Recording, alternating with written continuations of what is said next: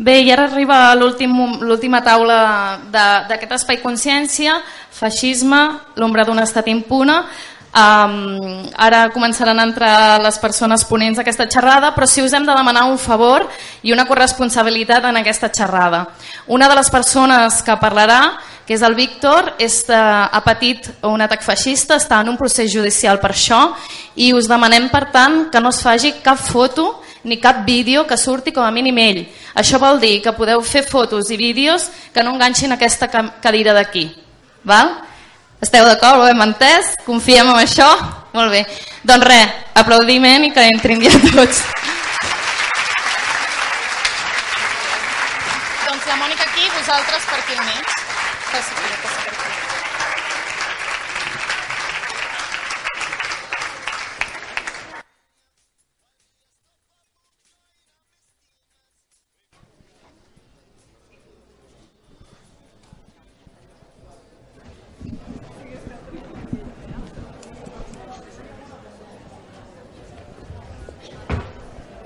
Com esteu? Esteu bé? Ho heu entès, que no podeu fer fotografia? Això s'ha entès, no? Bé, escolteu, primer demanar-vos disculpes perquè la Gemma Garcia, que és qui havia de moderar aquesta taula, eh, no ha pogut venir perquè s'ha fet mal i, i m'han demanat que, que la moderi jo i vull dir-vos que era molt oportú que la moderés la Gemma perquè la directa és un mitjà de comunicació, com sabeu, cooperatiu que es dedica molt a aquestes qüestions, per tant la Gemma hi entén molt més d'aquests temes que no pas jo, però a vegades passen aquestes coses i, i no ha pogut ser. Per tant, eh, ja em disculpareu eh, que no, no hi haurà el nivell de, de detall que ella hauria portat a, a moderar una taula com aquesta. D'acord? Aleshores, eh, el que es planteja en aquesta taula és si el feixisme que tenim, perquè el tenim, en el nostre país en aquests moments està emparat i queda impuna en moltes de les ocasions en què es manifesta i el per què passa això.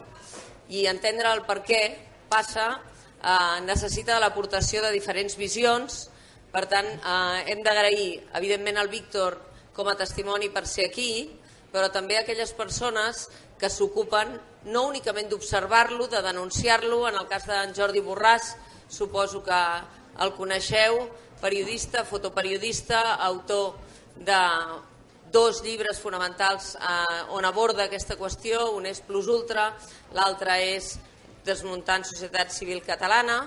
Eh, són dos llibres en el que ell eh, ha anat assenyalant quins són els riscos que tenim a dins dels moviments i una de les parts per les quals eh, un dels aspectes fonamentals del per què queda impuna i camuflada l'extrema dreta en el nostre país. Per tant, el Jordi ens aportarà aquest punt de vista juntament amb el Miquel Ramos. El Miquel Ramos és periodista, eh, com tots ells són activistes en tant que estan activament compromesos en tot el que passa. El Miquel eh, des del País Valencià, un país que, com sabeu, ha vist de molt a prop i d'una manera creixent en els darrers mesos com es manifesta de manera impuna i abassegadora aquesta extrema dreta als carrers Eh, per tant, tots dos ens ajudaran a entendre això. També ens acompanya la Begoña Casado. Ella és advocada penalista, ha estat defensant diversos casos de delictes d'odi, també d'atacs feixistes, eh, entén que també són a vegades eh, delictes relacionats amb el racisme, amb la xenofòbia, per tant val molt la pena que no oblidem que aquest és el context en el que es mouen eh, moltes d'aquestes qüestions i per tant sociològicament hem d'analitzar per què passa això i la IUS eh, que forma part eh, de la Unió contra el Feixisme i el Racisme que també ens parlarà de quins aspectes estan emparentant tot això. Per tant, teniu molts punts de vista aquí per intentar complementar i creuar.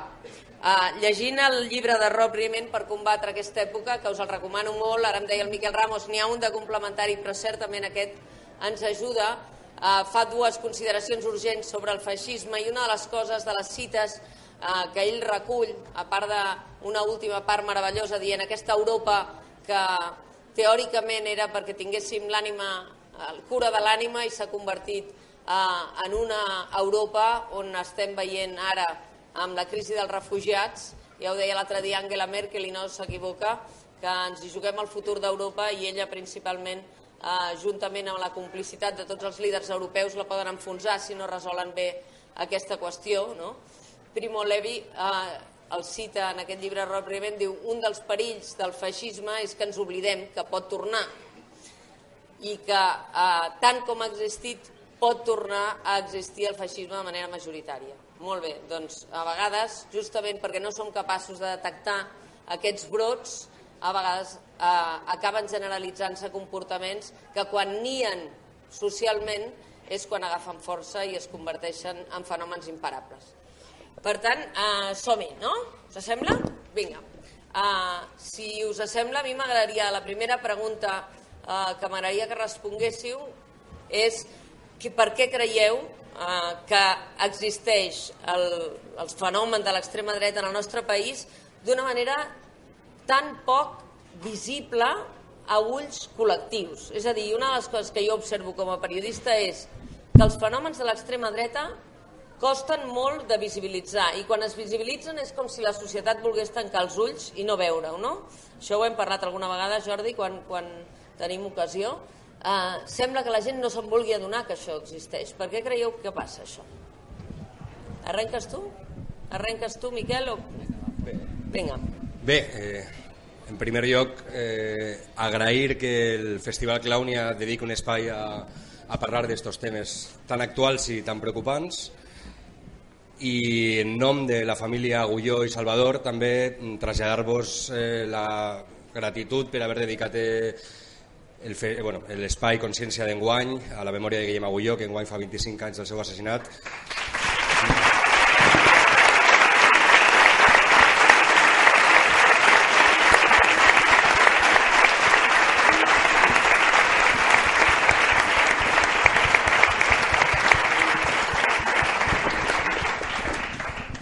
I el Guillem és un símbol també per, eh, per parlar també d'estos temes 25 anys després continuem parlant de Guillem perquè el feixisme continua existint jo que vinc del País Valencià i ho, comentava, ho he comentat moltes vegades amb el Jordi eh, això que s'està vivint actualment a, al Principat amb, amb aquesta exhibició d'una extrema dreta violenta, impune al carrer, descarada ho portem vivint 40 anys al País Valencià vale?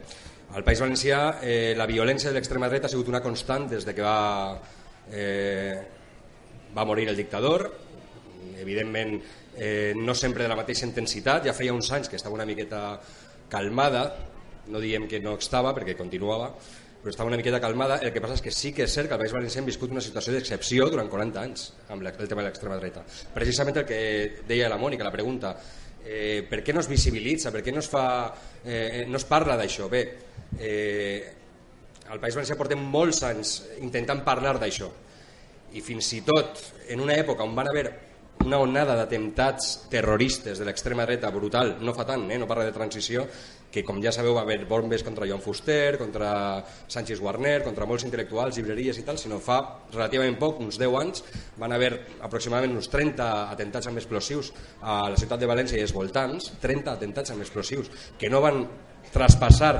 eh, l'àmbit mediàtic del País Valencià, més enllà del País Valencià no se va saber eh, que havia passat això. Una bomba d'aquestes fou mm, contra la seu d'Esquerra Republicana, altra fou contra la Comissió d'Ajuda al Refugiat. Bueno, van ser un, una època molt dura, l'any 2005-2006 aproximadament. Eh, un detall, el delegat de govern d'aleshores, que era Ricardo Peralta, del Partit Socialista, va dir que això entrava dins de la normalitat democràtica. ¿vale? Una lluita entre catalanistes i anticatalanistes. Bueno, els únics que posaven bombes eren ells, però bueno, los extremos i tal, ¿no? El discurs aquest de los extremos se tocan, són luchas entre bandes, entre tribus urbanes, entre tal, ¿no? El relat aquest que ha fet tant de mal i continua fent mal, i és un relat inter interessat, evidentment, doncs aquesta situació d'excepció la portem vivint al País Valencià durant molts anys i respon a una estratègia estructural de l'Estat així de clar, i ara amb, el tema del procés aquí ho esteu patint perquè entronca dintre d'aquesta mateixa lògica estructural del sistema. No? Eh, per què eh, al País Valencià van viure una relativa calma fins ara? Ara amb el tema del procés, no sé si vau veure les imatges del 9 d'octubre, però ens van, ens van fer pols aquell dia, els que vam anar a la manifestació, jo mateix vaig rebre una agressió, bueno, vaig rebre dos, i bueno, un mogollon de gent ferida en directe, amb les càmeres allà la policia va arribar una hora tard allà, vull dir, va ser tot molt descarat i estem veient amb molta preocupació des del País Valencià el que està passant aquí, perquè estem veient els mateixos patrons que ja venen passant del País Valencià des de fa molts anys que s'estan donant així. Llavors, eh, és molt important, molt, molt, molt i molt important estos espais per parlar del tema, perquè mentre parlem del tema encara hi haurà mm, alguna mena de eh, front comú contra això. És molt important la tasca, ja no només que fem ara, sinó la que porta fent molta gent abans, la que porta fent mitjans de comunicació com la Directa, el, el Jordi i altres, molts altres periodistes i investigadors que estan tractant aquests temes i que estan intentant recordar que això és un problema latent que quan a algú li interessa s'activa. I ara esteu veient com s'està activant d'una manera molt bèstia, sí i l'experiència del País Valencià jo penso que us ha de servir una miqueta, una miqueta i, i no es tracta de donar lliçons ni molt menys, eh? però jo us convide, perquè moltes vegades estem molt desconnectats, el sud i el nord, i el Jordi sí que ha vingut un 9 d'octubre i ha vist el que és un 9 d'octubre a València, però mm, si teniu ocasió vingueu i, i, i coneixeu una miqueta la realitat de, que vivim els valencians i les valencianes i entendreu una miqueta també eh, totes aquestes històries perquè és molt important que estem connectats nosaltres, perquè així també eh, intentarem trobar una medicina conjunta, perquè el problema al final s'acaba afectant a tots. I ara ja li dono la paraula a Jordi.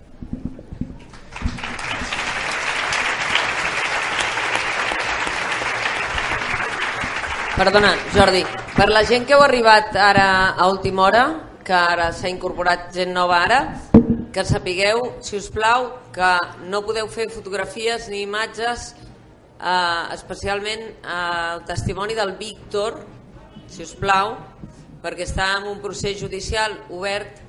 Val. Ho dic perquè, com que ha arribat gent ara a última hora, i és un avís que hem fet d'inici, ho aniré recordant. Vale, Víctor? Vinga, Jordi, endavant. Bé, bona tarda a tothom. Eh, anant de cara a Barraca, curiosament eh, vivim a un país que va patir la dictadura més llarga del món, la dictadura feixista més llarga del món, és a dir, 40 anys de dictadura eh, d'inspiració feixista no? i és eh, l'única dictadura en aquells anys quan es va acabar Europa en la qual els seus responsables no han passat mai comptes davant de la justícia. No? És a dir, durant aquells anys eh, la dictadura grega o la portuguesa també van acabar, però ni que sigui alguns dels seus responsables van acabar davant d'un jutjat. No? En el nostre cas no és així. Curiosament, si agafem un mapa d'Europa i busquem eh, partits d'extrema dreta a les institucions, podem trobar doncs, que França hi ha el Front Nacional, no?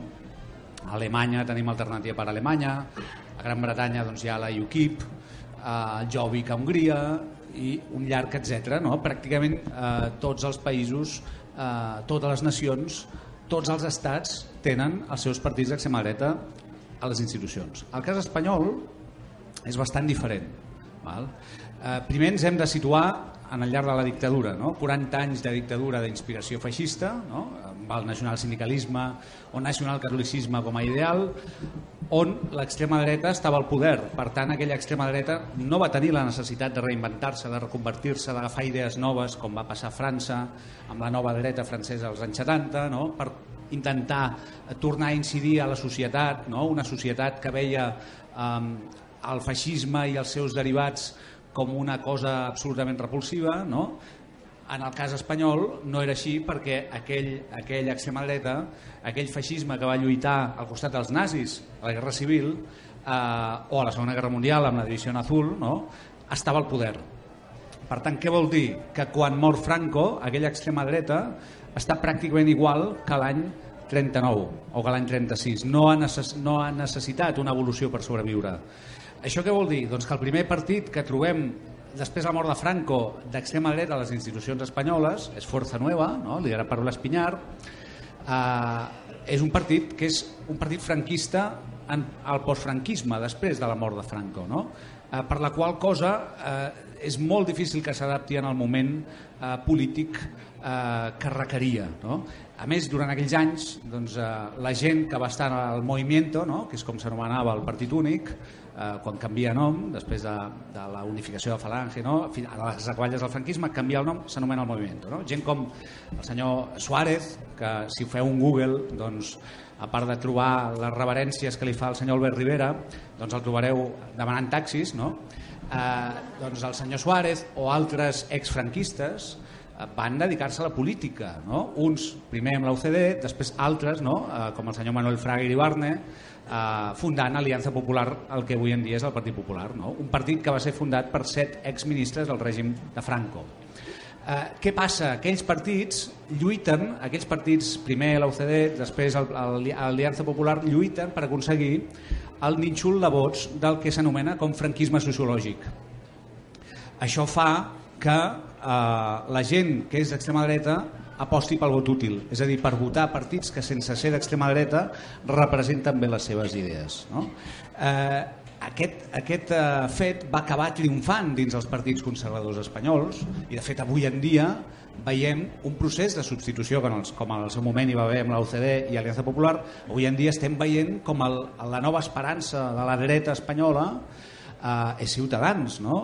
Si, eh, si busquem dades, no? podem trobar dades eh, en el CIS, en el Centre d'Investigacions Sociològiques, eh, una dada interessant de l'any 2011 en què veiem que 8 de cada 10 persones que es consideren d'extrema dreta havien votat el Partit Popular a les últimes eleccions. El Partit Popular o Ciutadans jo no els considero partits d'extrema dreta. Si mirem l'ideari d'aquests partits, sí que podem trobar un Xavier García Albiol, sí que podem trobar eh, gent eh, nítidament eh, amb discursos xenòfobs o gent fins i tot amb militància més que acreditada dins de l'extrema dreta falangista, Plataforma per Catalunya, però no són partits que els podem classificar a dins de l'extrema dreta. Per això jo crec que és molt important no banalitzar aquest concepte ni banalitzar el concepte de feixista. No? Si diem que partit A o partit B és extrema dreta, quan veiem una falange, quan veiem Plataforma per Catalunya, què seran? No? És a dir, amb això hem de tenir molt clar. Amb això que us volia dir, que a l'estat espanyol, i per acabar, perquè si no ens quedarem tota la tarda amb això, eh, hi ha un historiador que es diu Xavier Casals que ho explica molt bé. No? És, eh, és víctima de la síndrome de la presència absent. És a dir, l'extrema dreta, sense ser present a les institucions, és capaç de marcar l'agenda de tot un estat a través dels, dels discursos dels grans partits conservadors. Perquè m'entengueu, un exemple molt proper. Eh, Vox, que és un partit eh, d'extrema dreta, que va treure 512 vots a les últimes eleccions espanyoles a Catalunya, Vox, aquest partit residual minoritari, està marcant l'agenda judicial i política de tot un estat. Va ser el primer partit en reivindicar l'aplicació de l'article 155 i és el partit eh, pel qual la majoria de processats eh, i empresonats pel procés surten de denúncies d'aquest partit. És a dir, a l'estat espanyol hi ha un problema, que és que l'extrema dreta hi és, està fins i tot enquistada en institucions, en estaments, no? com pot ser la judicatura, fins i tot el món militar, el món policial, a tots els àmbits, no? i és, però és molt difícil posar-li nom i cognom, perquè no es representa de forma tradicional amb un partit amb unes sigles concretes. Jo crec que això, el context que, que ara ha descrit el Jordi era imprescindible per entendre eh, d'on venim, aquest complex que té l'Espanya tant de la democràcia constitucionalista és un complex de fragilitat i això es tradueix segurament en el món judicial, Begoña, que costa molt veure sentències dures contra actituds feixistes perquè socialment no volem reconèixer que el tenim. I aleshores passa que en casos com el de Blanquerna eh, la sentència i el com es ven i el com s'explica i, i al final en llibertat no? eh, fa que s'invisibilitzi que això ha existit i fa que no es castigui amb la duresa que, que faria de tallar foc justament d'aquests comportaments. No? Sí? Doncs, eh, efectivament, és més, eh, ara mentre anàveu parlant m'estaven recordant d'un judici que havia tingut, un judici de faltes per una agressió d'uns nois... Eh, en aquell moment no militaven en cap... La sentiu bé, la Begoña? Sí? No? Agafa Sí? Ara? Hòstia. Bé. Doncs deia que, que m'estaven recordant d'un un judici que van tenir, un judici de faltes de, per una agressió d'uns joves que en aquell moment no estaven militant en cap organització d'extrema dreta, mm? és a dir, en aquell moment era una fase molt incipient de la seva militància, era més una qüestió estètica, no? Um, flirtejaven amb, amb aquesta ideologia, ara ja s'hi militen. Val? Eren judici de faltes perquè afortunadament les lesions no van ser greus i eh, malgrat els van condemnar perquè van poder acreditar les, les, les agressions eh, quan es va acabar el judici i el, el fil del que parlàveu d'aquesta certa equidistància que els ciutadans que es consideren de bé se situen entre el feixisme i l'antifeixisme eh, el fiscal, que sí va sol·licitar la pena que corresponia, quan va acabar el judici es va permetre el luxe de eh, donar una reprimenda moral a tots els joves, els joves agressors i els i les joves víctimes, hm? perquè ell ho veia com un problema de que havien llegit poc en general, de poca formació. És més, es va atrevir a més a més a dir-me a mi també que llegís. No? I li vaig contestar, òbviament, que no ve al cas el què, però mmm, perquè veiem no, quin és no, el, el sentir de la persona que estava encarregada en aquell moment de perseguir precisament aquella, aquella agressió. Eh, com a exemple, eh? Mm, és cert, no, Mm, no sé si... O sigui, és veritat que no s'aplica amb tota la duresa, mm? també jo sóc del parer de que el, el Codi Penal rares vegades soluciona conflictes socials, mm? és més, de vegades ens pot girar en contra, i és una de les, de les manifestacions que estem veient darrerament amb la utilització per, perverses que s'està fent de, dels delictes d'odi. Mm? Eh, el que estem veient és que s'estan utilitzant precisament tota aquesta legislació antidiscriminatòria per protegir no només a col·lectius que òbviament no entren dins de la, no, no és que existeixi un catàleg de víctimes eh? però a través de, la, diguem, de, de, de les recomanacions dels organismes internacionals eh, que, que no sé, que venen a interpretar els tractats internacionals en la matèria, eh, doncs òbviament, eh, per exemple, la policia, eh, les autoritats no entrarien dintre del catàleg de víctimes de la, delictes d'odi. En aquest sentit és molt important una sentència que vam, una sentència no, una interlocutòria que vam conèixer ahir del Tribunal Superior de Justícia de Catalunya on venia a dir, després de fer un repàs molt important sobre eh, eh, els antecedents jurídics dels delictes i de la legislació de, de, dels delictes contra el discurs de l'odi a l'estat espanyol ens venia a dir que només poden ser víctimes d'aquests delictes aquells col·lectius que eh, doncs, per raons històriques o sociològiques estiguin situats en una posició de vulnerabilitat. I òbviament les autoritats i els agents de l'autoritat no poden ser considerats no? com, a, com a col·lectius vulnerables. No? Pel cas que ens ocupa, um, òbviament l'autoritat i agent de l'autoritat no poden ser considerats precisament col·lectius vulnerables, ja que detenten el, ostenten el poder.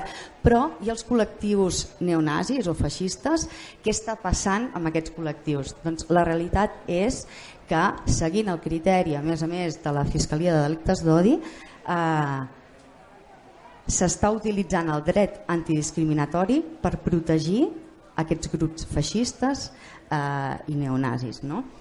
Perdoneu, eh? És que fa molt... Esteu bé?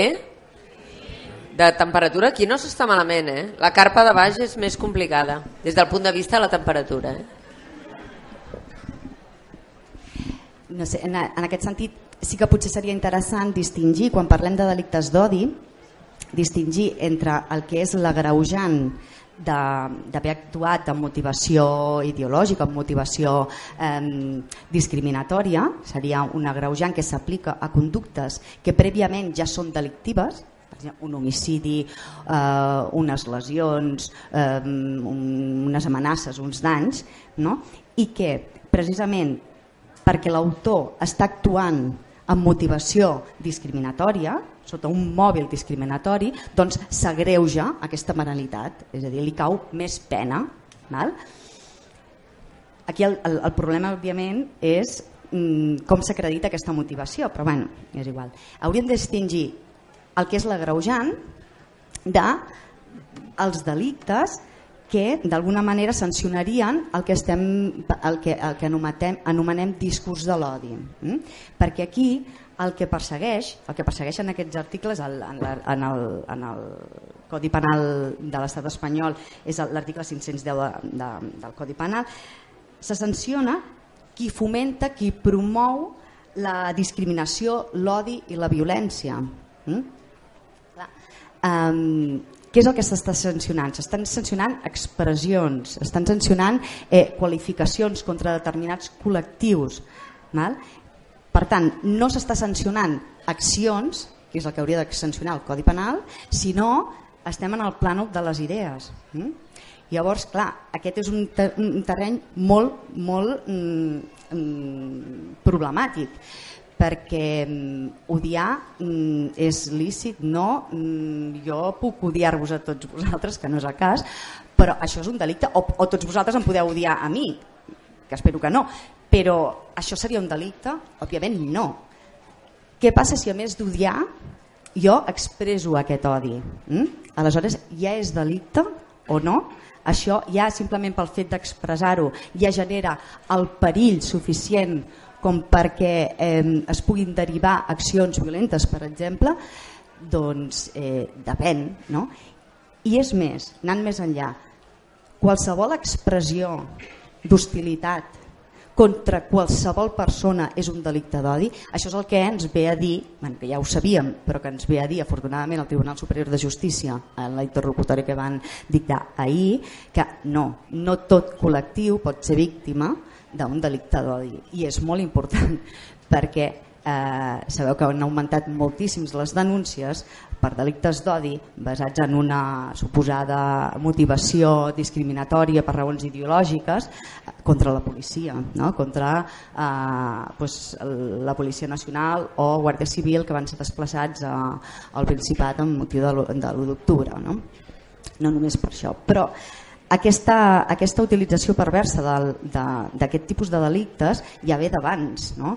Eh, a mi em va tocar defensar amb un, amb un noi que eh, estava acusat d'agredir eh, amb, un, amb un conegut membre de grups feixistes eh, bueno, és, té, a més, bueno, és, és, és molt conegut aquest personatge de fet, el context és, molt, és, és, és interessant explicar-ho. Estem parlant del 12 d'octubre del 2011, quan després de la manifestació feixista els grups d'extrema dreta eh, decideixen fer un concert que primer es va pretendre fer a Sabadell però es va prohibir la seva, la seva realització precisament perquè eh, clar, els grups diguem convidats doncs eh, òbviament el, el contingut de les seves cançons eren eh, pues, eh, doncs, discriminatòries, racistes, xenòfobes. Mm? Llavors, finalment aquest concert es va fer eh, en una sala a Poble Nou, al barri de Barcelona, i es va convocar una manifestació antifeixista que va acabar a la porta de la, de, de, del local. Alguns Mm, algunes persones que estaven dins del local van sortir i van haver uns enfrontaments amb manifestants antifeixistes i eh, militants feixistes que estaven dins. Bé, independentment de com va anar el judici, això la qüestió és que en aquest judici es va acabar aplicant l'agreujant de motivació ideològica. És a dir, quan aquesta agreujant s'incorpora al Codi Penal a l'any 95, s'incorpora precisament com estaven fent la resta d'ordenaments jurídics en l'àmbit europeu, precisament per lluitar contra la proliferació no, d'aquests grups neonazis i, i feixistes um, que, eh, bueno, clar, que a més a més amb, amb, amb actes d'extrema violència estaven com, hi havia com un resorgiment. No? Eh, és més, l'exposició de motius de la llei orgànica que incorpora aquesta greujant explicita que davant d'aquesta proliferació de grups neonazis i de les seves activitats és importantíssim que els estats democràtics europeus incorporin a la seva legislació aquest tipus de normativa i d'accions vale? precisament per protegir a les víctimes eh, del racisme, de la xenofòbia, de les activitats d'aquests grups. Bé, 15-20 anys després, aquesta normativa s'està fent servir no per protegir, però sí per donar un plus de penalitat, no? sí, en el fons és protegir aquests grups no? pels quals es va incorporar aquest agreujant. Mm? Eh, és cert que el poder judicial, com altres tipus d'estaments, no ha estat depurat un cop eh, eh, doncs acabat el, el, el franquisme, però el gran problema no és només aquest, i és que precisament la sala que va dictar sentència i que va aplicar aquest agreujant era potser la sala més progressista de l'Audiència Provincial de Barcelona, perquè era la sala desena. I malgrat que van eh, acceptar la seva sentència, que efectivament era una paradoxa enorme no? que s'estigués agreujant o que, que els grups per, eh, discriminatoris per excel·lència s'estiguessin beneficiant d'aquest agreujant, la van acabar aplicant pel principi d'igualtat. Quan en altres àmbits, i a més a més, no, no, no ho dic jo, ho diu el, el Tribunal Constitucional, eh, el tracte de, mm, mm, no vulnera el principi d'igualtat un tracte diferenciat entre persones, sempre i quan aquest tracte diferenciat vagi encaminat a remoure els obstacles que han situat a determinades persones o col·lectius en una situació de vulnerabilitat. Per tant, no és només que no s'ha depurat, no és només que no hi ha hagut un canvi no? en, en aquests sectors conservadors, és que de vegades fins i tot aquests sectors més progressistes o una mica progressistes estan prou acomplexats com per fer posicionaments valents no? i haver pogut d'alguna manera eh, doncs, sentar jurisprudència en aquest sentit. Uh, després segur que sortiran el cas... El cas del Víctor està a judici, ara en parlarem, però hi ha molts casos que coneixem de persones amenaçades i, i greument amenaçades de mort on, on el judici ha acabat eh, o amb penes menors o, o fins i tot exculpats o atacs d'extrema dreta que no s'estan investigant i que fins i tot es minimitzen o que Fiscalia fa la seva feina i quan arriben als tribunals ho minimitzen no? i això està passant i podríem ara fer un corolari de, un inventari de casos eh, on això està, està d'alguna manera socialitzant que és inevitable en l'entorn actual que passi això i que per tant mmm, tampoc no es, no es persegueixi. Digue-li, dels atacs a les, als mitjans de comunicació no s'estan investigant. Senzillament no s'estan investigant. I eren grups, evidentment, d'extrema dreta. Just, al final, hi ha una part del discurs de la por respecte de l'altre eh, que és una de les bases del racisme i que normalitza que, com deia el Jordi, els partits de dretes eh, escampin aquest discurs de la por que finalment, quan això es tradueix en comportaments eh, racistes d'extrema dreta, feixistes, eh, es troben amb un substrat social que ja els hi està bé o no acaben de ser prou valents per dir sí, nosaltres no, no estem còmodes amb tot el que està passant, però aquests comportaments no els aprovem. No? Fins a quin punt eh, la por a l'altre, eh, quan es converteix en comportaments d'extrema dreta, la societat els acaba eh, assumint i tolerant. No? Bé, eh, en primer lloc, moltes gràcies per aquest espai eh, de crear aquesta, aquesta consciència, no? perquè en part eh, aquestes pors cap a l'altre sorgeixen d'això, del desconeixement, no? i de totes les etiquetes que se'ns van assignant al llarg de la vida.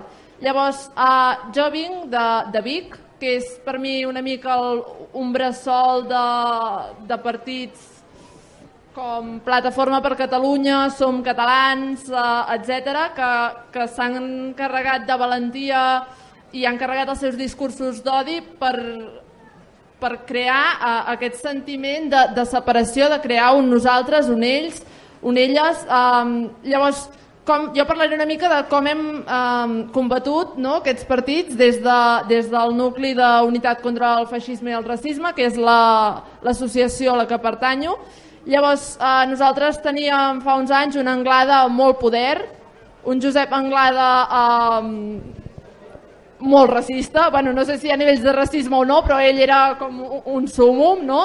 Llavors, eh, era difícil caminar pel carrer i, i entendre com hi havia persones de la ciutat on tu has nascut i viscut que el votessin i que més el votessin tant, perquè no tenia pocs vots, com ara deia el Jordi del Vox dels 512 vots. No, no, uh, Plataforma per Catalunya va aconseguir 5 regidors a, a, a Vic. Vull dir, era un partit amb, amb certa coneixença. No? Llavors, com des de l'acció de carrer, des de l'acció directa, eh, hem pogut eh, fer que de 5 regidors baixin a un, que és, bueno, està ell sol a l'Ajuntament, que no hi hauria de ser eh, perquè segueix sent eh, legitimar el seu discurs eh, racista, xenòfob, i, i llavors eh, sí, s'hauria de, de, de, de, bueno, de suprimir, fer fora, que és el, el plantejament que, que tenim, bueno, no, la, la fita que tenim no, des d'unitat, Llavors, eh, nosaltres hem fet molt... Eh, hem fet molt carrer, perquè des del carrer, des d'espais com aquest,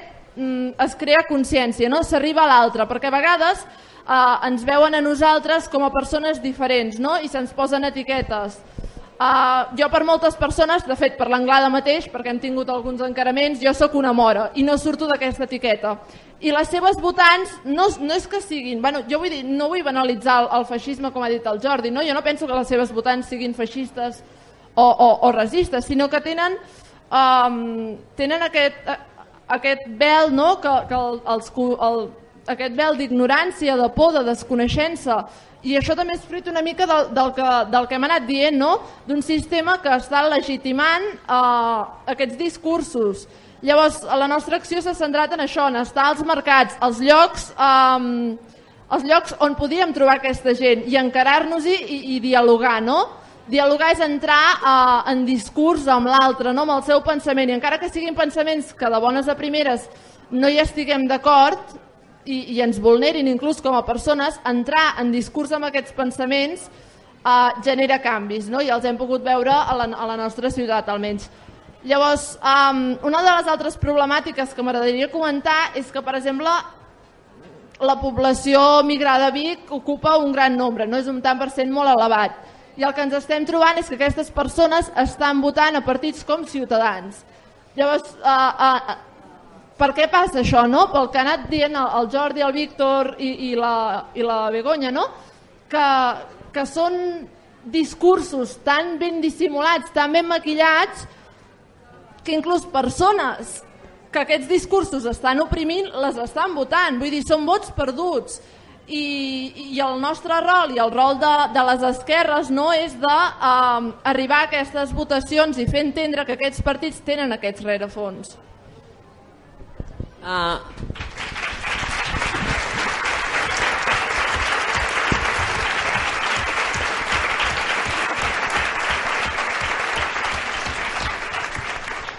La Ius m'ha fet pensar ara en un cara a cara que van fer el matí a Catalunya Ràdio el Jordi Borràs amb en Josep Alcina, te recordes? Uh, on a vegades l'extrema dreta li costa, o sigui, disfressa el, el discurs no? i acaben uh, construint un relat que fa que la societat acabi minimitzant el rerefons del que, del que fan. A mi m'agradaria que el Víctor entrés a, a la taula i ens expliqués exactament, Víctor, què et va passar, uh, com ho estàs vivint, perquè al final el teu testimoni és un de tants uh, casos que uh, malauradament uh, tenim molt, molt present i amb molt poc resultat uh, diguem, per posar aquest tallafocs que dèiem. Sí. No? Eh, a mi em van agradar fa, fa dos anys, eh, quan encara no, no teníem tot aquest lliu a Catalunya sobre el procés, i, i es van plantar 20 persones, on estava jo i els meus amics. No el sentiu, oi? A veure...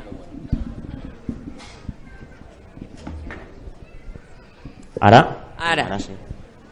Doncs això eh, em van agradar fa dos anys i em van agradir perquè amb el grup de gent amb què jo em junto i, i surto de festa i, i tal doncs eh, pensem diferent a, a ells i llavors eh, a, a, dins d'aquest grup de, de persones hi, ha gent de, hi havia gent de, del Casal Tramuntana eh, gent que milita en partits que fa poc que governaven a Espanya, eh, altres que militaven al partit de Movimiento Social Republicano i, i ara la cosa doncs, està aturada.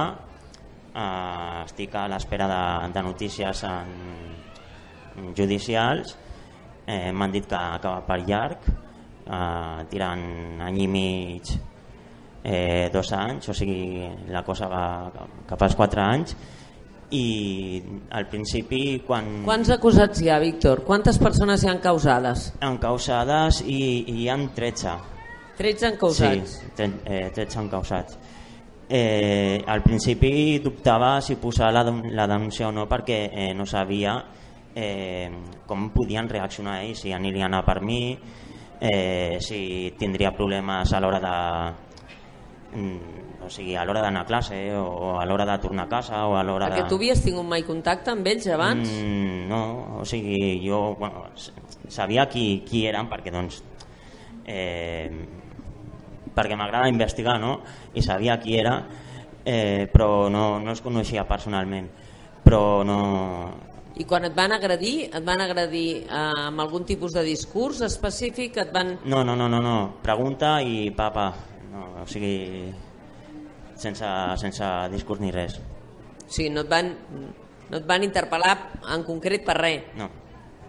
I aleshores amb què baseu la, la, la causa? Perquè clar, evidentment et van, et van agredir i tu quan els, van, els vas denunciar eh, perquè sabies que pertanyien en aquests col·lectius? Sí. Per això? Bueno, perquè portaven distintius de, dels col·lectius a, als que formaven part. I, bueno, al principi doncs, dubtava si posar la denúncia o no, i, però després vaig dir que vaig finalment decidir posar la denúncia perquè pensava que era la, la millor forma doncs, d'acabar amb aquesta gent i, i que tinguessin el seu merescut. I ara eh, dius que està encara en procés, tu has anat a declarar algun... Quanta... Sí, eh, he anat a fer la declaració davant el jutge i estic a l'espera de, de que surti la data del judici. I va ser tu l'únic agredit o hi havia altres companys teus de grup que també els van agredir? I hi havia altres, hi, ha, hi havia amics meus que estan de testimonis i que estaven amb mi.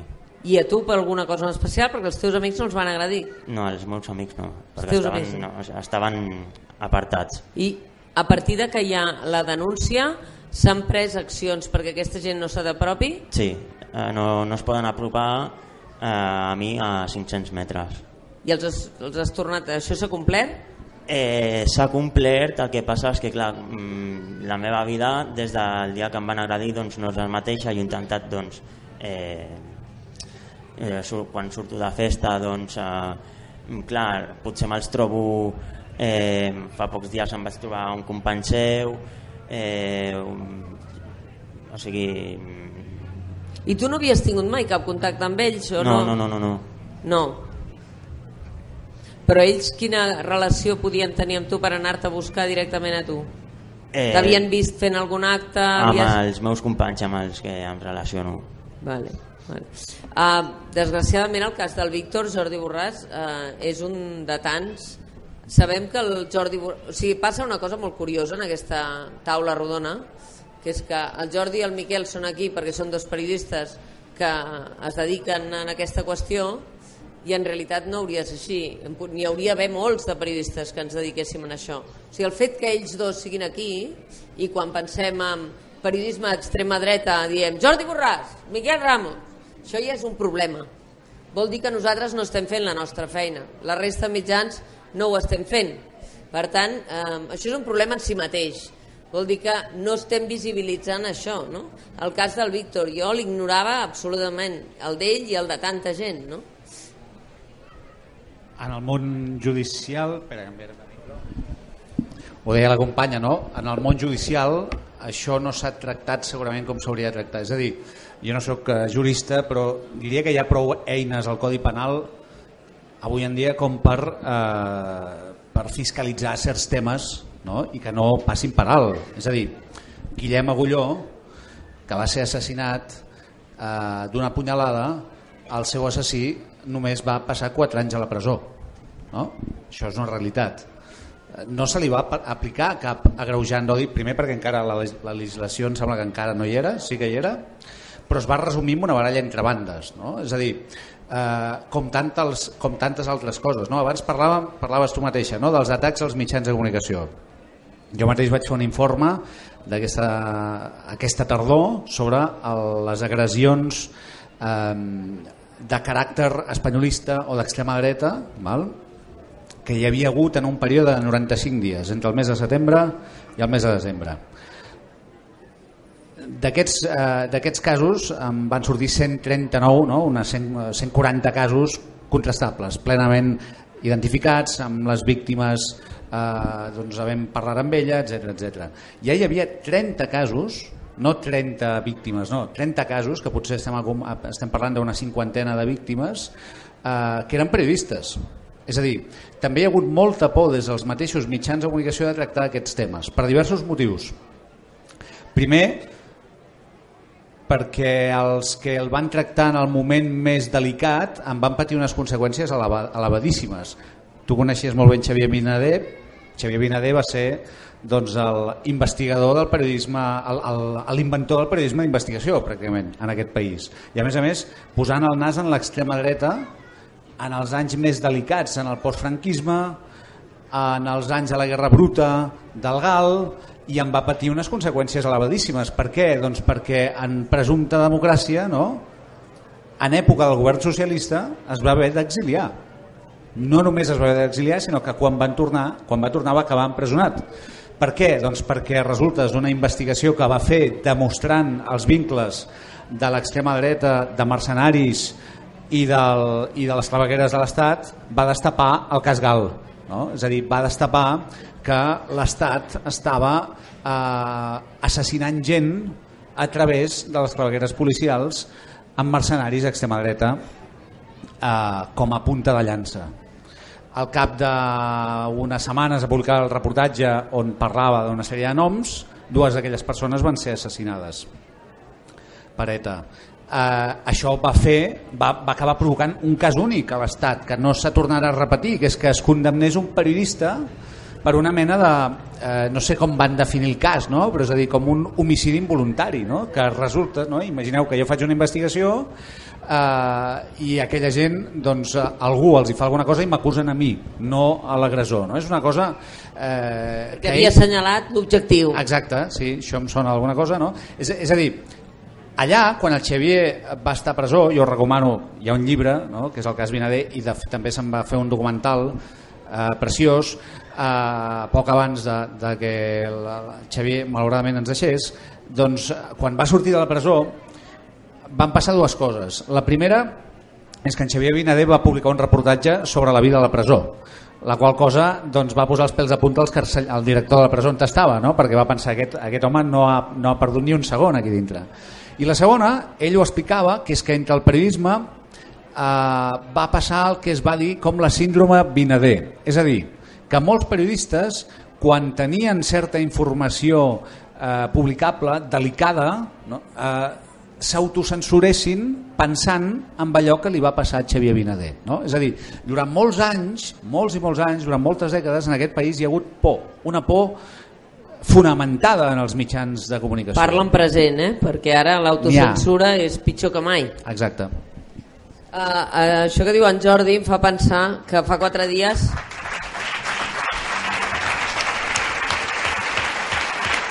va ser fa quatre dies què deu fer? Un any que es va inaugurar que vam anar a fer aquella xerrada del Vina a Sabadell i la nit abans sí. van destrossar el mural que havien pintat en homenatge d'ell els grups d'extrema dreta a Sí, Sabadell i no hi ha manera eh, d'acabar amb determinats corpuscles d'aquests perquè comportaments com aquests eh, vandàlics, etc etc al final no, no acaben perseguint però en el cas de València, abans ens deia el Miquel a l'inici eh, diu baixeu a València que ho viureu en el dia a dia quants casos de violència contra tots els objectius del, de, la, de la cultura al País Valencià no han estat víctimes d'atemptats d'extrema dreta i no s'han investigat? Bé, començant per l'atemptat que va patir eh, Sánchez Warner o Joan Fuster al finals dels 70, principis dels anys 80 amb, amb atemptats amb explosius eh, i tota la resta d'atemptats amb explosius que hem patit els valencians, terrorisme d'extrema dreta, que venim patint des de fa 40 anys, no hi ha hagut cap detingut. Zero des de fa 40 anys, zero detinguts, així us ho dic. Hi ha molts llibres, hi ha molta literatura sobre el tema, ara el Francesc Bayarri, un periodista, ha escrit un llibre que es diu Matar Joan Fuster, que explica tota la trama i us el recomane. Si us a més mescla tres històries periodístiques molt interessants, dels nazis refugiats a l'estat espanyol, que és un altre tema, que us recomane també mm, investigar, perquè molts dels neonazis i dels nazis actuals i les feixistes han après, gràcies als nazis que va acollir Franco aquí, i no eren quatre eh, desarrapats, eren gent important de les SS i, i pensadors de, del mundillo nazi i això explica en part eh, qui és Pedro Varela i què és la llibreria Europa i què va ser CEDADE però ja voldria vindre una miqueta més al present i en això voldria agafar una miqueta el, el, el relat que estava parlant la Lluç perquè em sembla molt interessant. Ella deia que en la ciutat on ella vivia i amb, la, amb els veïns i els veïns que se trobava cada dia, que clar, que no considerava una feixista a, a la persona que votava l'anglada per ignorància, no? Bé, jo pense que estem parlant d'un fenomen que és que ni tan sols els periodistes coneixen ni saben descriure. El fenomen de la nova extrema dreta que estem patint a Europa en general és encara molt poc investigat per molt poca gent sobretot aquí, a l'estat espanyol en general, perquè l'extrema dreta que patim així és l'extrema dreta de l'estat espanyol. És impossible deslligar el País Valencià i el Principat del que passa a la resta de l'estat espanyol. I hi ha algunes dades molt inquietants i us vinc a dir perquè la onada que està, vivi, que està vivint Europa no us penseu que estem vacunats aquí. Aquí el que passa és que hem viscut, com deia Jordi, eh, no hi ha hagut una maduresa d'esta extrema dreta a l'europea, a l'estat espanyol, perquè hi havia, d'alguna manera, el Partit Popular que feia d'aquest aglutinador des del centre dreta fins a l'extrema dreta, ara Ciutadans, Vox tímidament comença a rapar, però eh, no estem vacunats per una raó molt senzilla, és a dir, aquí hi ha hagut eh, dos temes, jo diria, m'atrevisc a dir que hi ha hagut dos temes dels darrers 20 anys que d'alguna manera han frenat que es modernitzés aquesta extrema dreta espanyola. Un era el conflicte basc, amb eh, el tema d'ETA al capdavant. Si el PP i el PSOE ja tenien una política molt dura amb aquest tema, el votant d'extrema dreta ja li venia bé, no feia falta votar a Espanya 2000 ni tal, perquè ja tenien un bon discurs aquí, i actualment amb, eh, amb, amb el tema de Catalunya és evident, vull dir, el paper que està fent eh, la dreta espanyola i part de l'esquerra espanyola, ja que dir-ho, amb aquest tema, doncs ja li va bé, no fa falta... Bueno, ara està traient el morro box i alguns més, però eh, que s'estan portant eh, eh, el tema són, són els altres. I això ha impedit que els temes estrella de l'extrema dreta europea, com la xenofòbia, arribessin aquí d'una manera més eh, directa, no? que no, no és que no s'hagi intentat, sinó que mm, hi havia altres temes que eclipsaven tot això, no? d'alguna manera. Ara bé, què ens trobem a la resta d'Europa? Ens trobem una extrema dreta molt madura, que aquí n'hi ha dades que mm, quan, jo no sé si les coneixereu. Per exemple, si us dic que el 40% de les persones del col·lectiu LGTB a França han votat a Marine Le Pen, com us quedeu? El 40%. Si us dic que el 20% de les minories a França, descendents de les minories, han votat a Marine Le Pen, com us quedeu? Esta és la nova extrema dreta. Oblideu-vos dels skins, oblideu-vos de les camises negres, de les esbàstiques.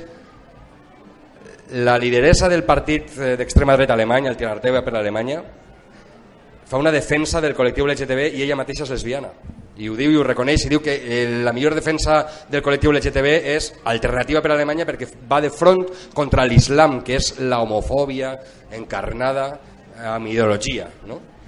Aquesta és la nova extrema dreta. Estem vacunats contra això? Sabem com combatre això? Com combatem això? Com combatem ara que a la manifestació de l'orgull gay estiga el, el, el Biol fent-se una foto allà quan fa quatre dies estava...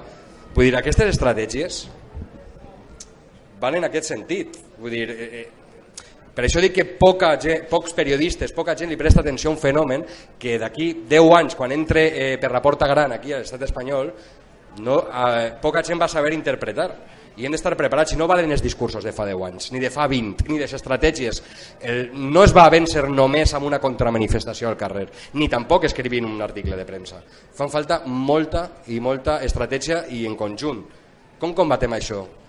Com, és una pregunta que llança a l'aire, no? perquè jo no tinc la resposta. I el que vull dir és que estem davant d'un fenomen molt complex que és molt important el que ha dit Jordi abans, no banalitzem.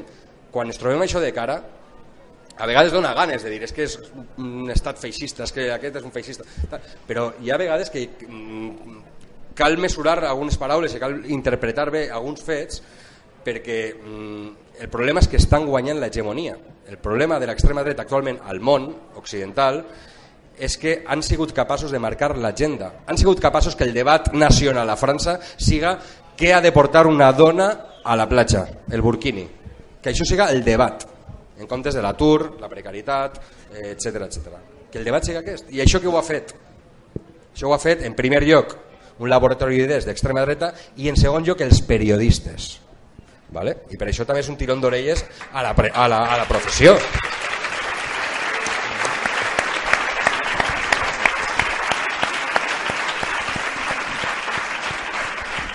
Acceptar el marc de l'extrema dreta és la gran victòria quan la, la dreta i el centre dreta i part de l'esquerra accepta aquest marc, l'extrema dreta guanya cap al centre.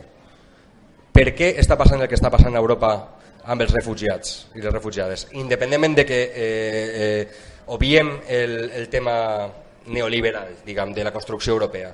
Per què aquesta eh, insensibilitat, aquesta apatia davant de la gent que mora al Mediterrani?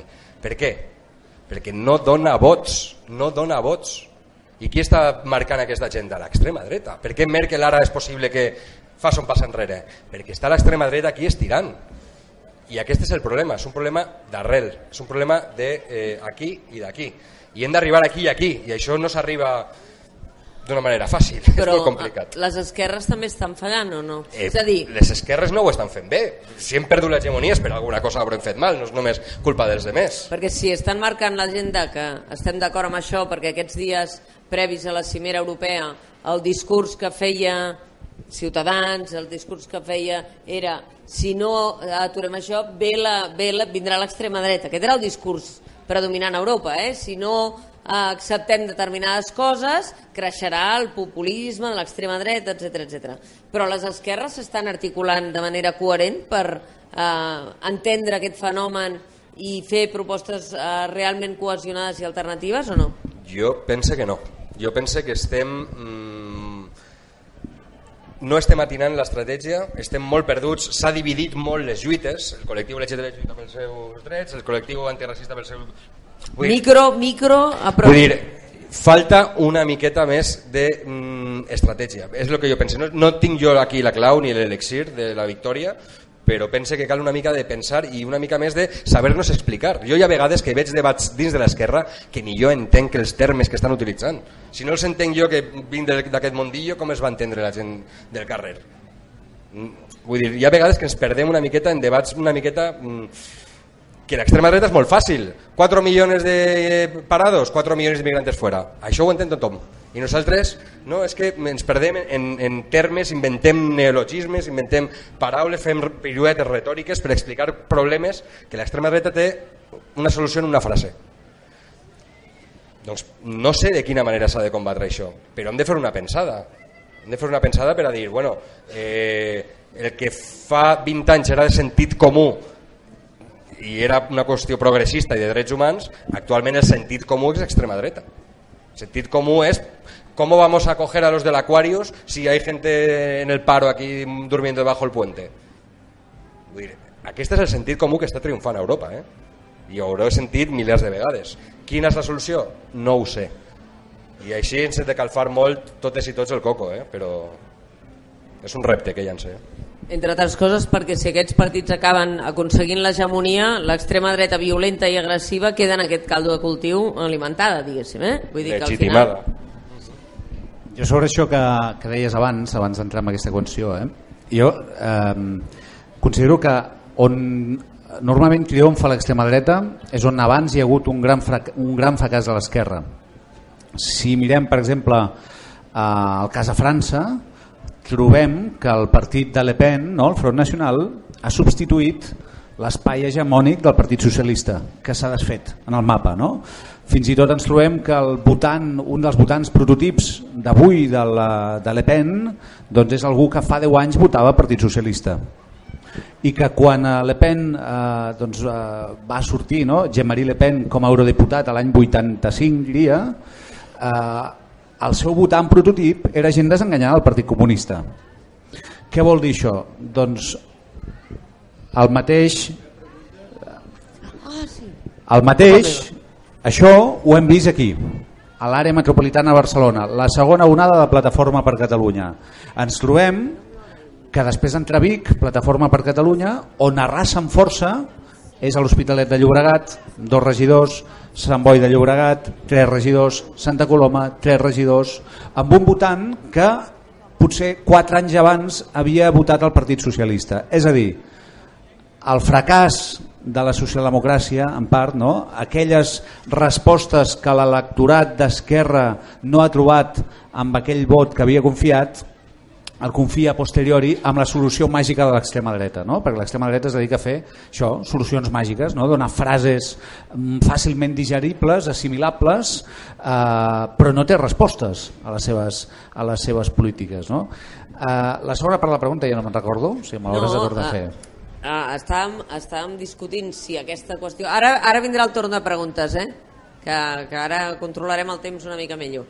Uh, si estàvem discutint si el que, el que dèiem que l'esquerra si ho havia fet prou bé o no ho havia fet prou bé, que era això que contestaves ara, i aleshores jo feia una disgressió al voltant de, del comportament que tots, uh, tots els...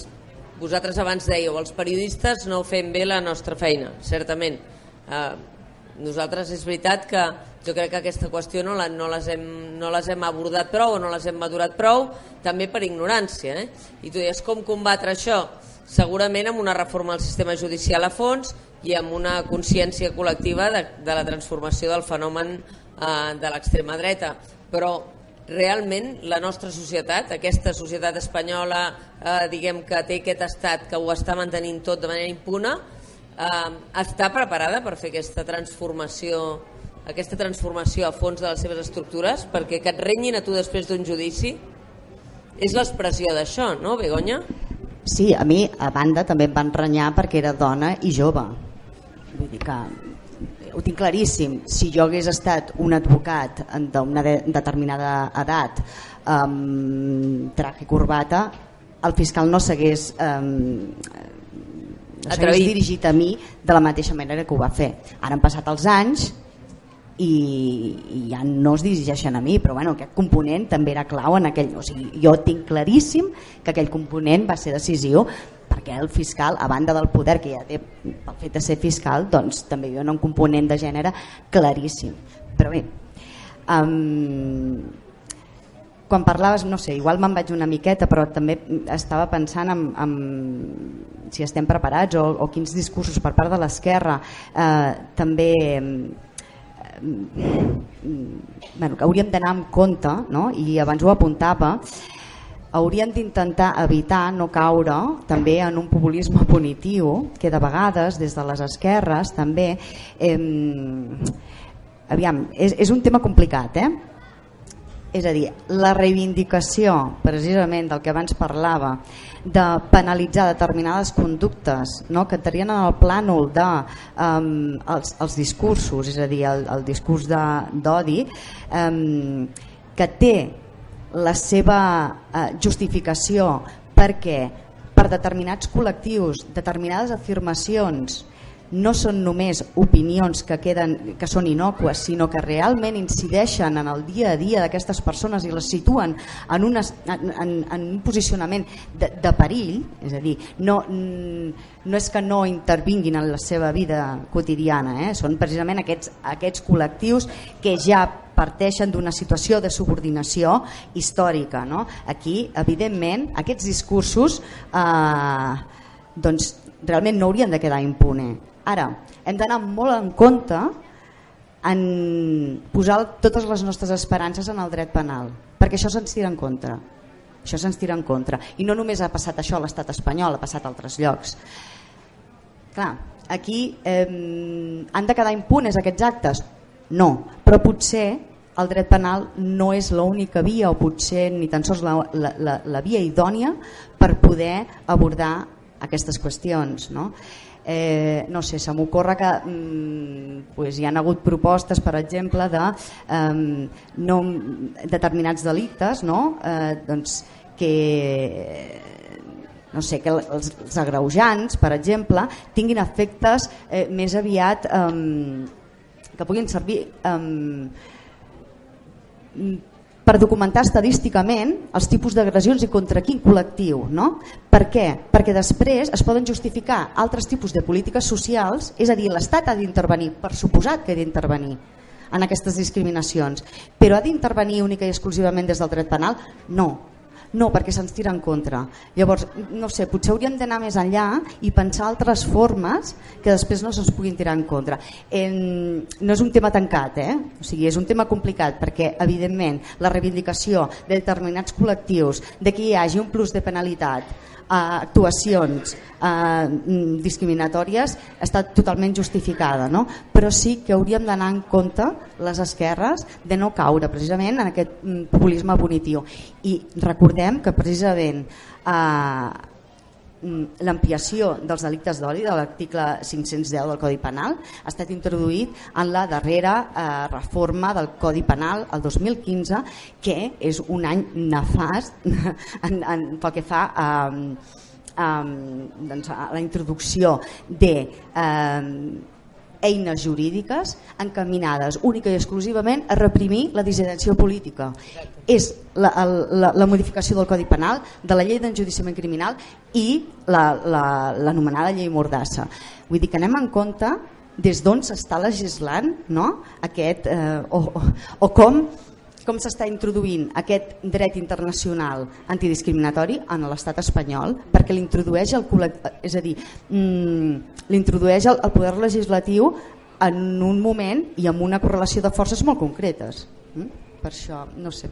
A mi m'agradaria que féssiu eh, preguntes. Recordo el que hem dit a l'inici, sobretot no fer fotografies al Víctor, si us plau, i ara eh, m'agradaria que féssiu preguntes per centrar més l'interès del que vosaltres realment vulgueu obtenir dels participants de la taula, però us demano una cosa. Feu preguntes. Preguntes. És a dir, les taules, les taules són per fer preguntes al públic cap amb ells, perquè si cadascú de vosaltres fa un statement, un discurs, no, veure, no sentireu cap dels concerts que es fan a baix. Llavors, com que hem d'aconseguir que sigui compatible la consciència amb el lleure, diguéssim, que també és amb consciència, el que passa baix, doncs feu preguntes, preguntes, val? perquè si no entrarem en derives. Ah, allà.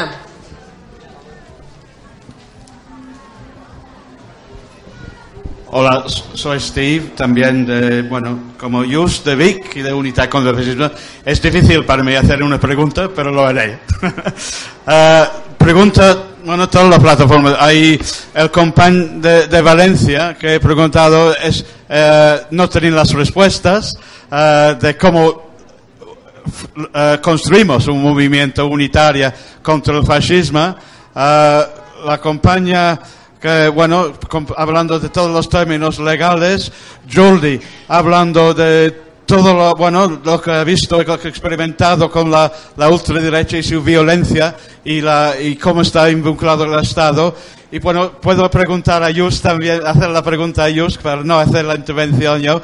¿Qué podemos hacer y seguir haciendo para, intent, para evitar todo lo que ha pasado, lo que estaba diciendo que está pasando en Francia y otros países en Europa para evitar el populismo y el identitarismo de los dos lados, ¿eh? del movimiento que existe en el movimiento catalán y también el movimiento españolista. Están los dos usando los argumentos de identitarismo para confundir y para dividirnos. ¿Qué podemos seguir haciendo? Gracias.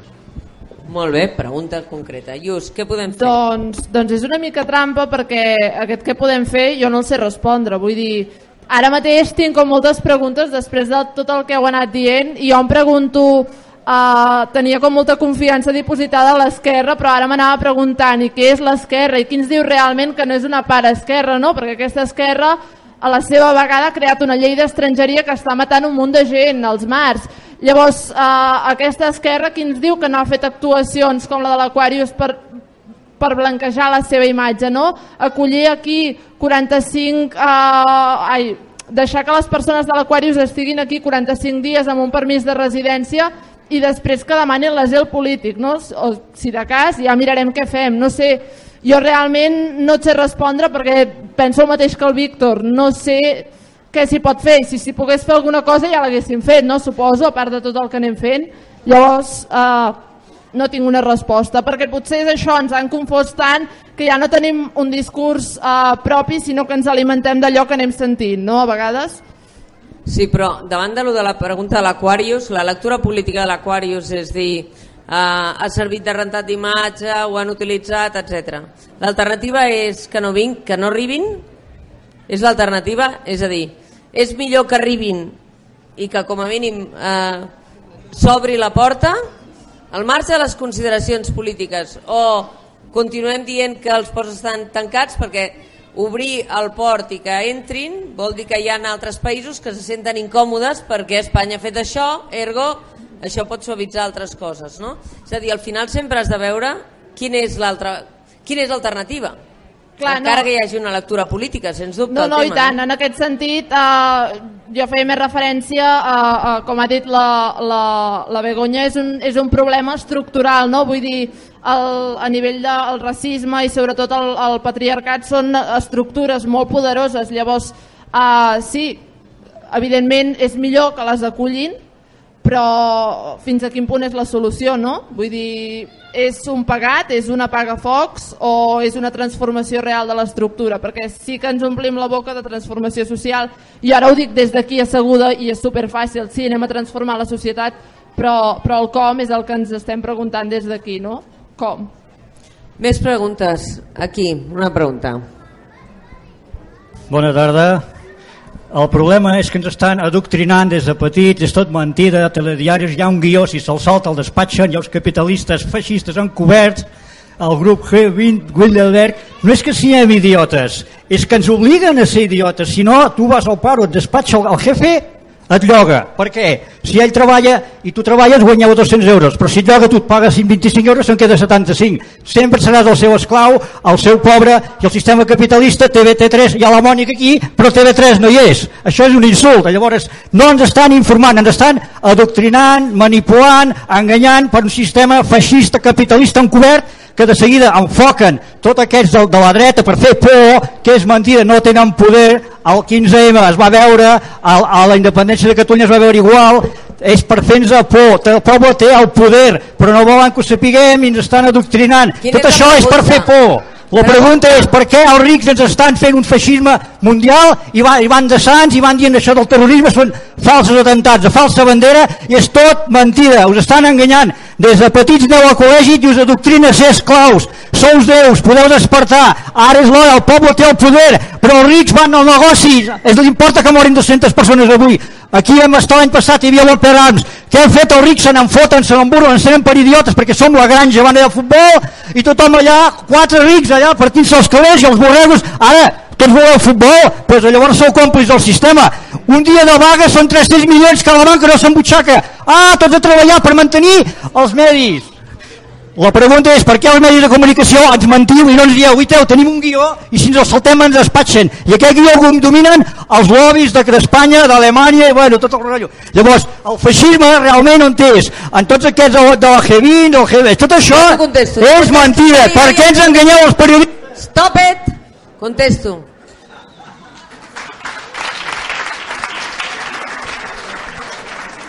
A veure, si tinguéssim un guió que se'ns el saltem no ens deixa... Pots deixar-me respondre? de Madrid van denunciar els periodistes que els obligaven al teu guió. I tot clar, la televisió espanyola 40 milions i TV3 obligaven 7 milions i TV espanyola tota Espanya es creu que aquí Catalunya som un nazis. Ai, tothom s'ho creu. Per què? Està manipulant. Ja, però, ja està desviejant cap a aquestes alçades. que diuen del paràquet. I els polèmics, només que per ensenyar, i ens dic ja minuts, ja, ara això de que no... Tu tens un guió i a més estan amenaçats a Madrid, segons que no pots dir, eh? Que si neix que a Madrid t'estan amenaçats. No, tot mentida.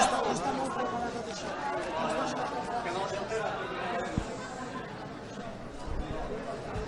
Bueno, a mi m'ha amenaçat l'extrema dreta, a Madrid no, eh? Vull dir, amenaçada per l'extrema dreta, això sí, i amb intent d'agressió inclòs, això sí, però amenaçada per Madrid no. Treballo en un mitjà públic, eh, faig espais que em ve de gust fer, faig els continguts que em semblen, els encerti o no, dimarts farem una taula sobre gentrificació a les 8.30 del matí, fem el racó de pensar cada dimecres. Eh, hem fet un cara a cara amb aquest senyor, hem parlat de l'extrema dreta quan hi ha hagut casos, eh, parlem de les qüestions que creiem van fer lo del Tribunal Permanent dels Pobles el divendres, que era el dia de la cimera, i per tant l'agenda que tenim és la que nosaltres creiem amb errors, amb encerts, amb pressions, perquè tenim pressions, només faltaria, perquè si no tinguéssim pressions voldria dir que els mitjans de comunicació no tenen importància. I perquè la tenen, tenen pressions que nosaltres administrem. Que nosaltres administrem. Ho farem millor, ho farem pitjor. Però qui digui que no hi ha pressions als mitjans de comunicació us enganya. Petits, mitjans, grans, públics, privats. Tots els mitjans de comunicació reben pressions. Nosaltres també. Una altra cosa és com tu et deixes permeabilitzar per les pressions i quines coses fem i quines coses no fem bé. Ah,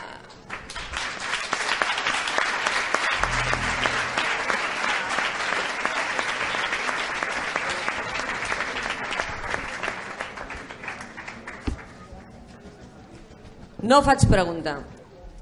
No fa pregunta, el Martí Teixidor no fa pregunta. Subscriu l'exposició del Miquel Ramos i del Jordi Borràs. La divisió dretes-esquerres és del segle XIX i XX fins al 1980. Les reivindicacions de col·lectius ben justes encobreixen la gran divisió. Els opressors i els oprimits. Els intel·lectuals no són ni opressors ni oprimits i depèn del partit que prenen en favor d'uns i altres. Periodistes, escriptors, professors. La violència pròpia del feixisme al servei dels opressors uh, no violència activa, Gandhi, Xirinacs, és cert. És a dir, hi ha una qüestió que no hem parlat, que és el paper que fan els intel·lectuals, l'opinió pública per legitimar determinats comportaments d'extrema dreta, que això ho estem veient també. Com se li treu importància a alguns d'aquests fets a través de l'opinió pública, Jordi? Que algunes vegades eh, tu això ho has viscut i ho has patit. Eh, és, és, espera, no, no sé, sí, se'm sent?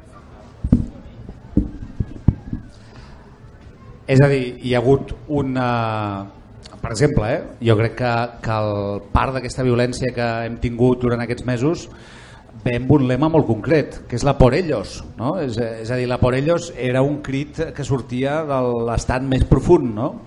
no era només el crit dels autocars i dels hotels i d'aquells cotxes de la Guàrdia Civil que els aplaudien, no, era la legitimació de la violència eh, contra la població civil que volia exercir el dret a l'autodeterminació. Era una cosa tan senzilla com aquesta. No?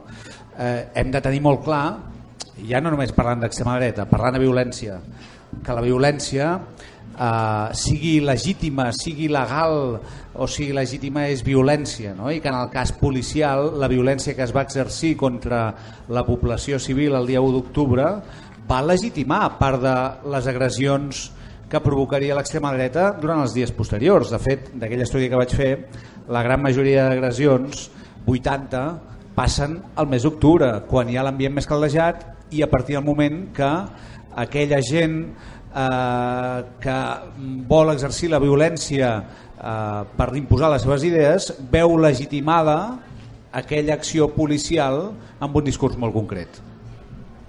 Més preguntes, allà baix. Aquí n'hi ha una, després vaig a tu, eh? Tu, tu.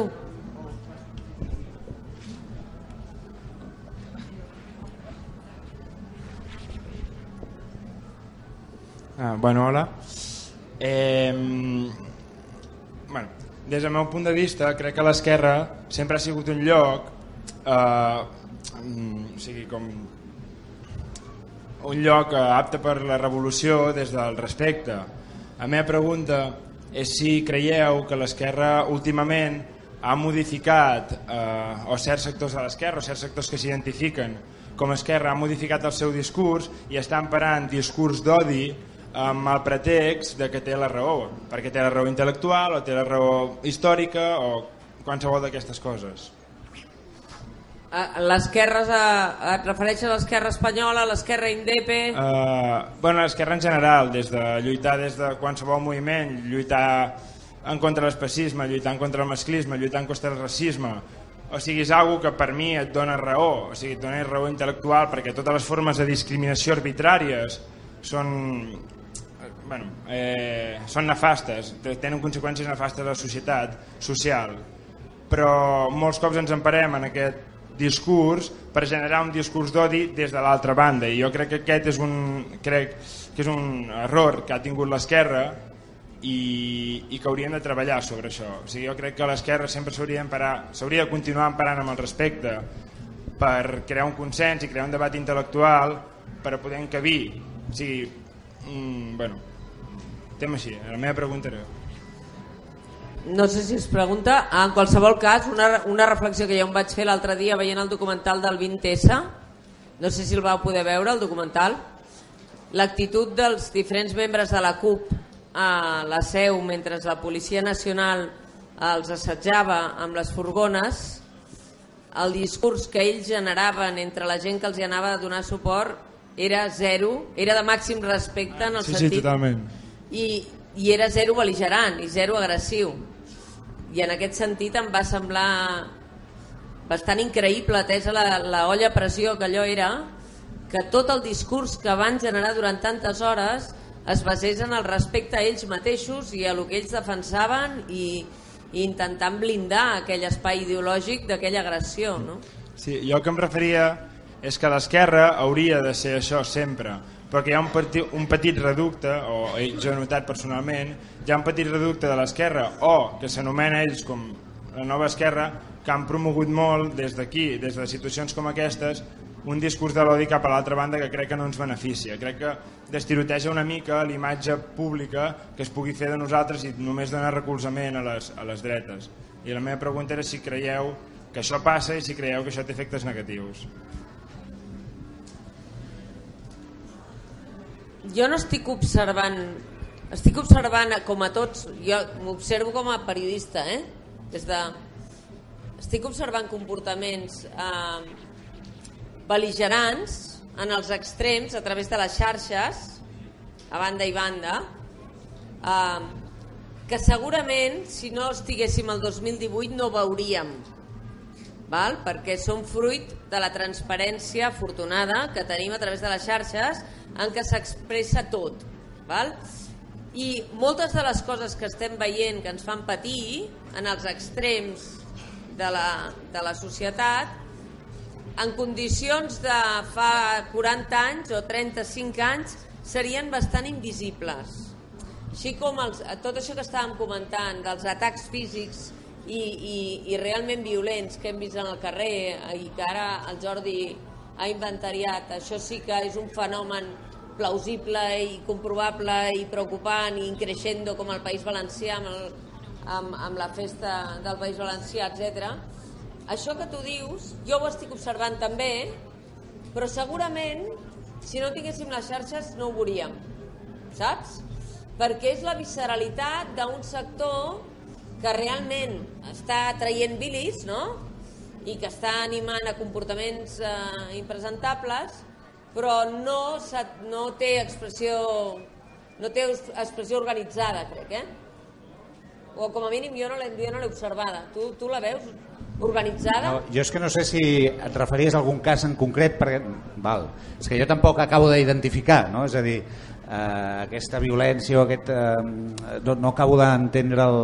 Per, on vols anar, eh? Vull dir, és a dir, jo crec penso també com la Mònica que de vegades va molt bé extreure's del món digital, no? sortir del món de les xarxes socials i adonar-te'n que la bombolla és a dins de la xarxa i no fora. No? Les xarxes doncs, és un lloc eh, on és, és fascinant la facilitat en què es, a través de l'anonimat doncs es creen aquests odis i aquestes visceralitats que quan parles amb algú tot això desapareix perquè el fet de que puguis parlar cara a cara doncs, eh, fa que t'hi puguis entendre molt millor. Clar, eh, quan estàs en una conversa de cafè i un amic teu diu un disbarat molt gros, tu automàticament li dius no diguis, no diguis parides, això és així, això no vaig...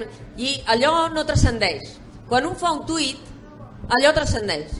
I no té immediat té la resposta a través de les xarxes, però ja queda allà instal·lat i en l'imaginari col·lectiu queda com l'amenaça existent, quan en un, en un context d'interrelació segurament ho neutralitzes.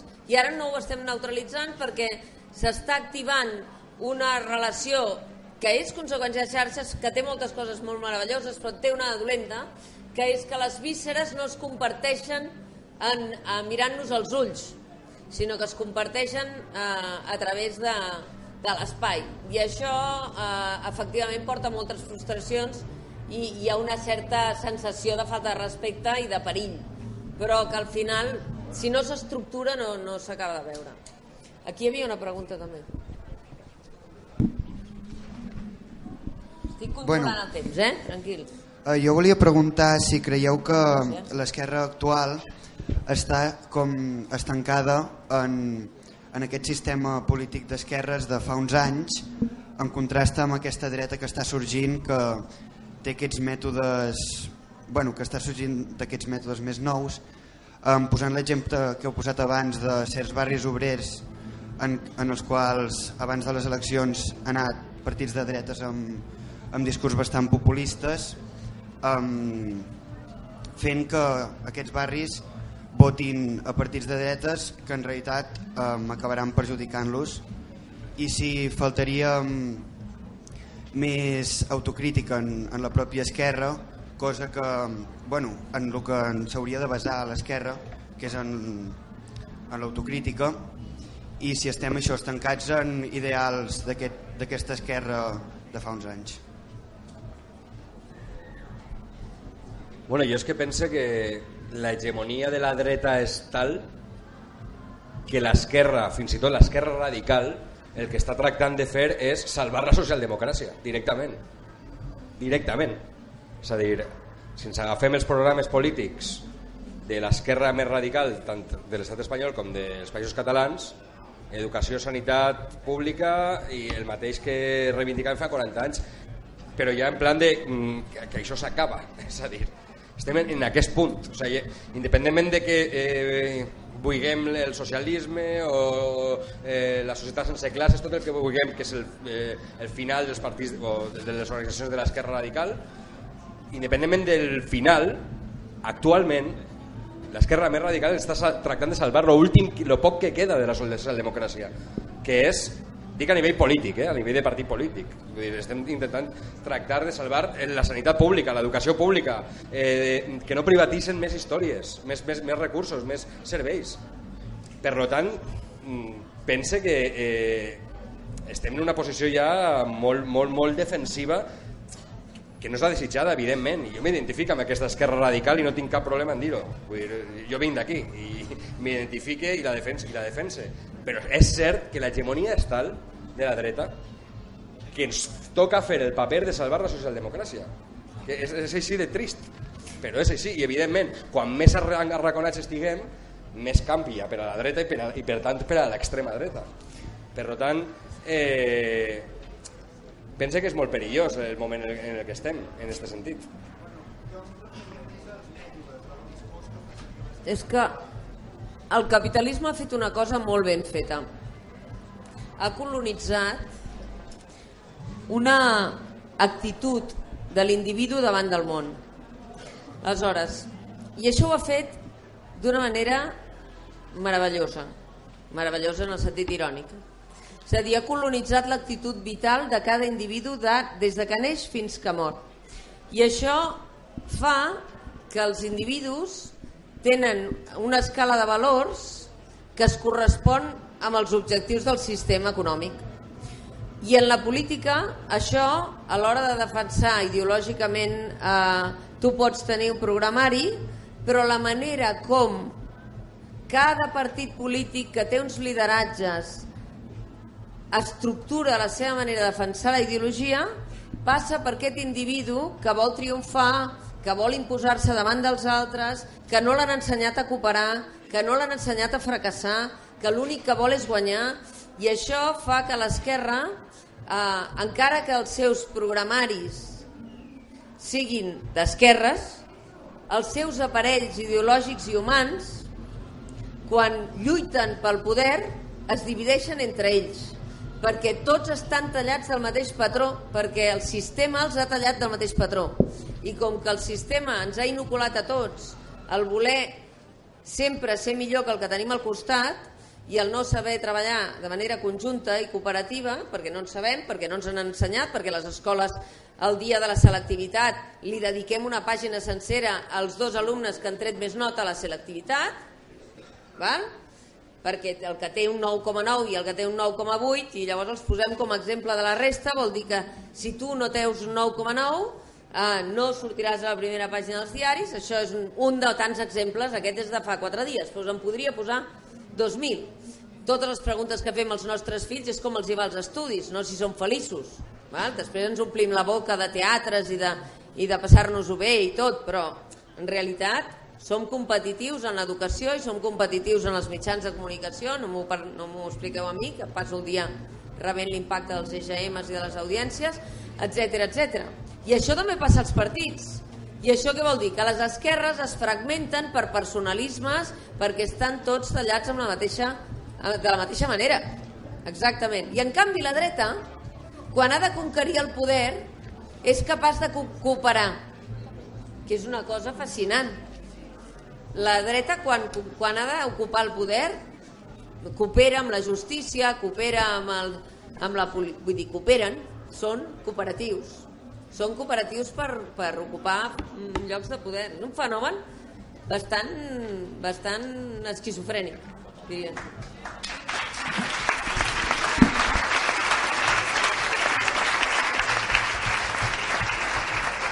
Sabeu que hauríem d'acabar, no? Perquè vosaltres teniu intenció de menjar alguna cosa i anar als concerts de la nit i això, no? O, o no? Sí? Val. Heu de recordar Bonica. el següent. Demà a les dues del migdia... Bonica, perdona, perdona. És que no volia acabar sense fer un reconeixement, perdona, en plan així positiu, eh? per no marxar a la societat civil organitzada que eh, està frenant o com a mínim frena, i que moltes vegades, en algunes ocasions, també ha estat tenint una actuació proactiva i en l'àmbit que jo conec més, sort de la societat civil organitzada que està fent un acompanyament a les víctimes, fins i tot personant-se com a acusació particular en procediments eh, no? com el del Víctor clar, com el del Víctor perquè mm, veient com actua Fiscalia com ha actuat en determinats casos Fiscalia, com actua també eh, la policia a l'hora d'investigar també determinades accions o, o, o com van actuar en el moment en què es van produir els fets, si no és perquè les víctimes es personen com a acusació mm, particular, eh, no tiren endavant els procediments. I això genera uns costos emocionals i també econòmics, per què no dir-ho? Que si no hi ha una societat civil organitzada recolzant aquestes persones és pràcticament impossible arribar al final. Hi han casos que són i, i que s'han de posar en valor. I ara pensava aquests barris obrers doncs bé, nosaltres estem portant un cas on l'agressió va passar a, les fest, a la festa major del barri de la Concòrdia de Sabadell i l'associació de veïns i veïnes del barri de la Concòrdia està personada com a acusació particular en aquesta agressió.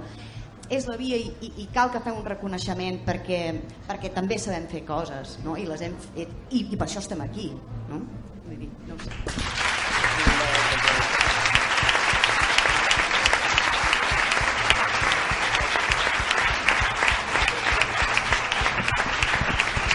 Gràcies, Begoña, perquè si no haguéssim acabat com de mal rotllo. Has fet, has fet molt bé. Escolteu una cosa. Demà a les dues hi ha una paella solidària en favor del moviment del No Callarem, de la llibertat d'expressió. A, les, a totes les parades de Charango Clàunia teniu els tiquets i és a les dues. Oi? Va, perfecte, ho hem dit bé. Víctor, moltíssimes gràcies per ser aquí. Moltes gràcies, que vagi molt bé.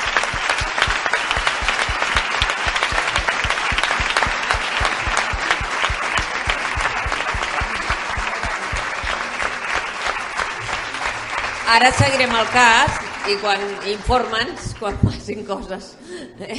Begoña, moltíssimes gràcies. Jordi, Miquel i Lluís, moltes gràcies.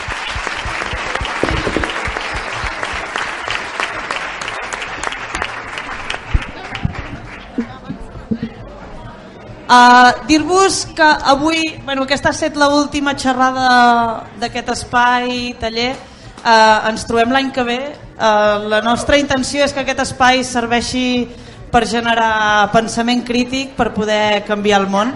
Esperem que les xerrades, tallers que hem fet aquí us hagin servit uh, almenys per pensar una mica i ens retrobem demà a la plaça Barcelona amb una batucada feminista i també amb la paella eh, i també l'any que ve en aquest espai Consciència.